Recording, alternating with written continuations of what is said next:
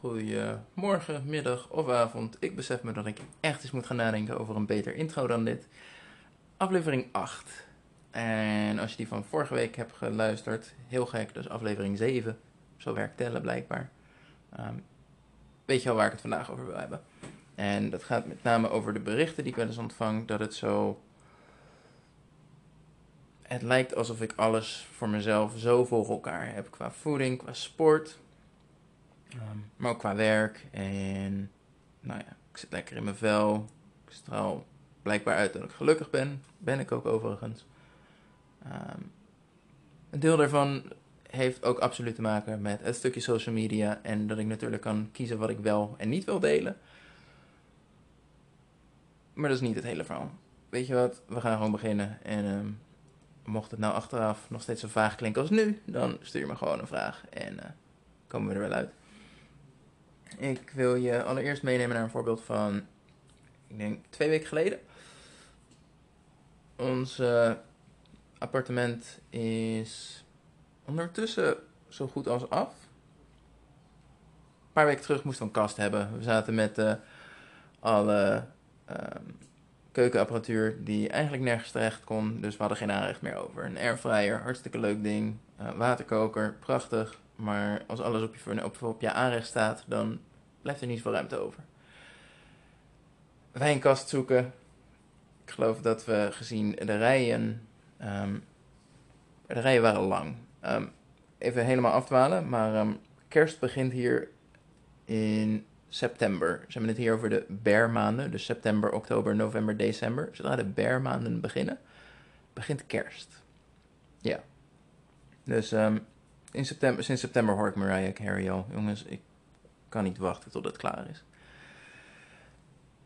Maar goed, het is dus ook druk in winkels, kerstinkopen, kerstaankopen, dat soort dingen. Um, dus wij op zoek naar een kast, zodat we al die apparatuur ergens kwijt konden. En ik denk dat het een uur of 8 à 9 was toen we eindelijk thuis kwamen. Boodschap hadden we mee, hadden we al gedaan. Maar iemand moest er toch nog echt gaan koken. En um, dan ben je toch een goede 20, 30 minuten verder. Ander ding van hier is, eten bestellen is één, heel praktisch. En twee, veel te goedkoop. Ik geloof dat we op zijn, de duurste verzendkosten, of de duurste bezorgkosten die je gaat vinden zijn ongeveer 1 euro. Het duurt zo'n 15 minuten voordat het bezorgd wordt. En uh, ja, weet je, alles zit om de hoek. Dus zelfs al wil je niet bezorgen, binnen 5 minuten hebben we een McDonald's, een Burger King, Domino's, Pizza Hut, alles zit hier wel. Um, dus bestellen is ook heel makkelijk. Afhalen is net zo makkelijk. Het is heel praktisch. Dus op zo'n moment besluiten, ga ik koken of ga ik bestellen? Kan voor sommigen best een uitdaging zijn. Um, maar daar ga ik zelf anders mee om. En dat is een stukje mindset, dat kan ik je niet aanleren of zo. Dat is hoe ik er naar kijk. Als ik eten bestel, als ik bewust iets uitkies omdat ik daar zin in heb, omdat ik het heel lekker vind, dan wil ik dat doen vanuit een positieve reden. Gewoon, hè, het is een leuk, lekker, zin in. En niet, ik heb nu geen zin om te koken. Weet je, dat vind ik een negatieve reden. Ik heb geen zin, het is makkelijker. Ik vind zo'n moment juist um, de uitdaging om wel te besluiten om te koken. Om mezelf uit te dagen om dat te doen. Achteraf ben ik des te meer tevreden met mezelf. En op die manier kan ik nog steeds, als ik een dag later besluit, hé, hey, nu heb ik ergens heel erg zin in, kan ik gewoon bestellen. Je kan niet en-en hebben. Daar heb ik recent nog over geschreven in de nieuwsbrief ook. Volgens mij heb ik dit voorbeeld zelfs gebruikt. Je kan niet en telkens kiezen voor makkelijk. En eten waar je zin in hebt, wanneer je er zin in hebt. En verjaardagen en etentjes. Je moet ergens keuzes maken. En dit is een keuze die ik maak. Ik kies niet voor makkelijk als ik het kan verhelpen. En in dit geval kan ik het verhelpen. Alles was aanwezig. Ik moest alleen van mijn gat komen en zelf koken. Het ding is, het is een luxe probleem. Het hoeft niet opgelost te worden. En daar ben jij schuldig aan. Het is namelijk heel makkelijk om te zeggen: joh, vandaag verdien ik het. Of uh, morgen is er weer een dag. Morgen pak ik het weer op. Vandaag gaan we gewoon even bestellen. Even lekker makkelijk. Want uiteindelijk, je huis brandt niet af. Je raakt je huis niet kwijt. Je valt niet morgen dood neer. Er gebeurt eigenlijk helemaal niks als jij besluit om nu um, te bestellen.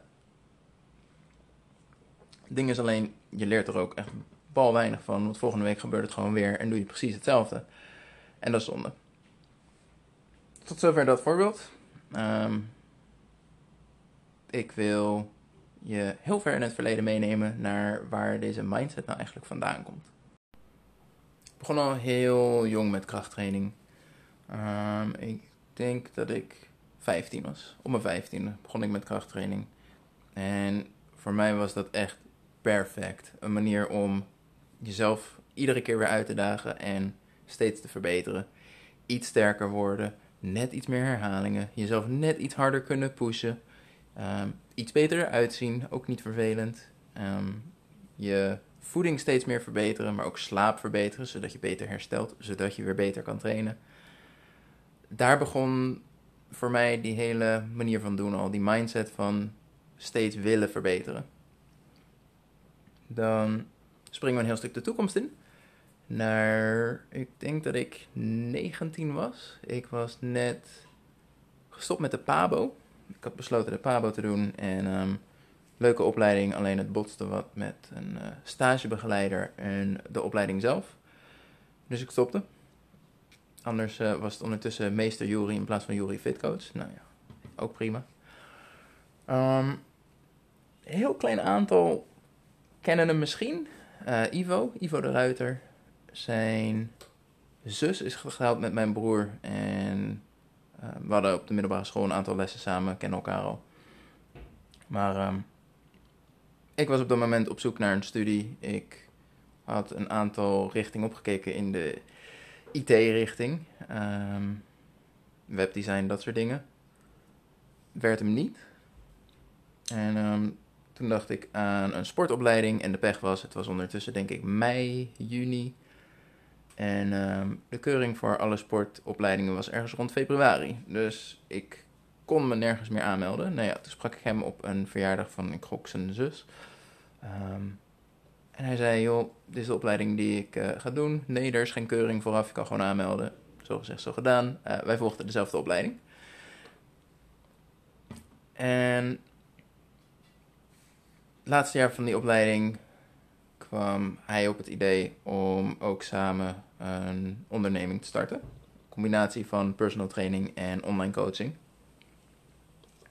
Uiteindelijk niet doorgegaan. Ik startte een bedrijf met online coaching en hij startte als personal trainer. Volgens mij is hij ondertussen um, verhuisd naar Spanje. Daar woont hij samen met zijn vriendin. Ik zit in de Filipijnen. Um, en volgens mij doet hij ondertussen ook online coaching. En ik weet niet of hij nog personal training daarbij doet. Ik denk het niet. Maar goed, hij was de reden dat ik um, uiteindelijk een onderneming ben gestart. En uh, zelfstandig ben uh, gaan werken. Het was niet eens in me opgekomen. Um, maar eigenlijk past het perfect. Want als zelfstandige coach en als ondernemer kan je niet slagen zonder die mindset en die drive om jezelf steeds te verbeteren. Betere posts te schrijven voor Instagram. Goede video's opnemen en kijken wat nou net beter kan. Wat werkt, wat werkt niet. Uh, een podcast opnemen, ook al vind je het de eerste keren eng of ongemakkelijk. Het viel mij namelijk toen ik mijn eerste aflevering opnam op hoe makkelijk andere mensen het laten lijken om 10, 20, 30 minuten tegen jezelf te praten in een microfoon even best tegen. Nou, ondertussen vind ik het prima. Valt me alleen op nu ik uh, voor een spiegel zit op te nemen dat ik veel te veel met mijn handen praat voor iemand die niet zichtbaar is. Maar dat terzijde. Doen wat de meeste mensen niet durven te doen of bereid zijn om te doen, bereid zijn om te doen. Is belangrijk als zelfstandig ondernemer. Ik bedoel, hoeveel, hoeveel coaches ken jij die vanuit de Filipijnen werken en fantastisch resultaat behalen met Nederlandse cliënten. toen ik op Schiphol zat met mijn vrouw en wachtte tot we konden inchecken. Dat was ehm, juli 2021. Ehm, dacht ik nog, kan dit wel? Ik ken namelijk helemaal niemand die dit al bereikt heeft. Die Nederlandse vrouwen coacht, die in de Filipijnen woont.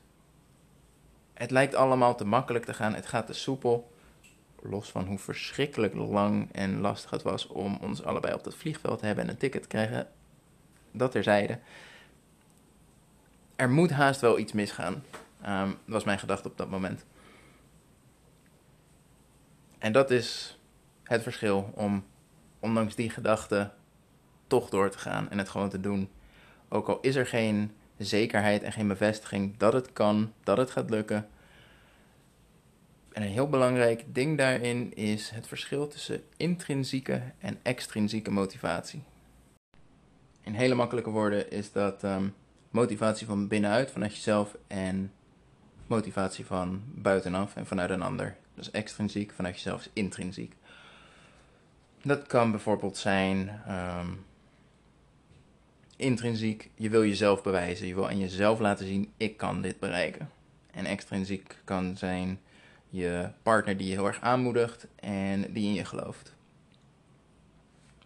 Als het gaat om afvallen, gaat het vaak, of hebben veel mensen vaak veel extrinsieke motivatie. Ze willen, ze willen er beter uitzien, ze willen aantrekkelijker gevonden worden. Het gaat niet eens over wat ze zelf willen. Ze willen dat andere mensen ze aantrekkelijker vinden dat je partner weer uh, naar je verlangt.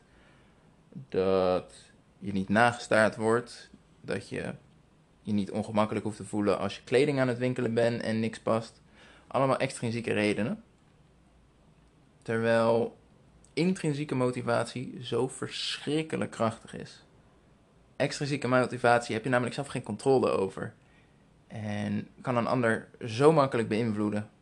Terwijl intrinsieke motivatie niemand kan je daar raken. Niemand kan je stoppen. Het is puur jij en je doel. Het geeft je die bepaalde drive die je nergens anders vandaan haalt. Die drive om dus inderdaad altijd maar beter te willen. Of niet zozeer altijd maar beter te willen, het beste uit jezelf te willen halen. Dat ga je alleen bereiken met intrinsieke motivatie. En zoals de naam dus ook al zegt, niemand kan je dat geven. Ik kan jou geen intrinsieke motivatie geven. Maar als jij hem kan vinden, dan ben je eigenlijk niet meer te stoppen. En, en dat zie je dus ook met coaching. Een goede coach, of anders gezegd, een slechte coach, geeft je heel veel extrinsieke motivatie. En dan zie je het best goed gaan tijdens het coachproces. Maar zodra de coaching klaar is, heb je niks meer. En dan zie je ook dus heel snel weer die terugval. Want van binnen is er niet zoveel veranderd. Maar een goede coach die helpt een cliënt die intrinsieke motivatie te vinden. Datgene waar, waar ze echt van aangaat, waar ze blij van wordt. Dat ze denkt, hier heb ik alles voor over. En dat kan echt van alles zijn. Voor een een is dat echt zoiets ja, oppervlakkigs, klinkt bot en niet, niet, niet terecht. Is niet terecht. Maar voor de een is het echt zoiets als: ik wil gewoon een bikini kunnen aantrekken en in de spiegel kijken en denken: wauw, wat zie ik er goed uit.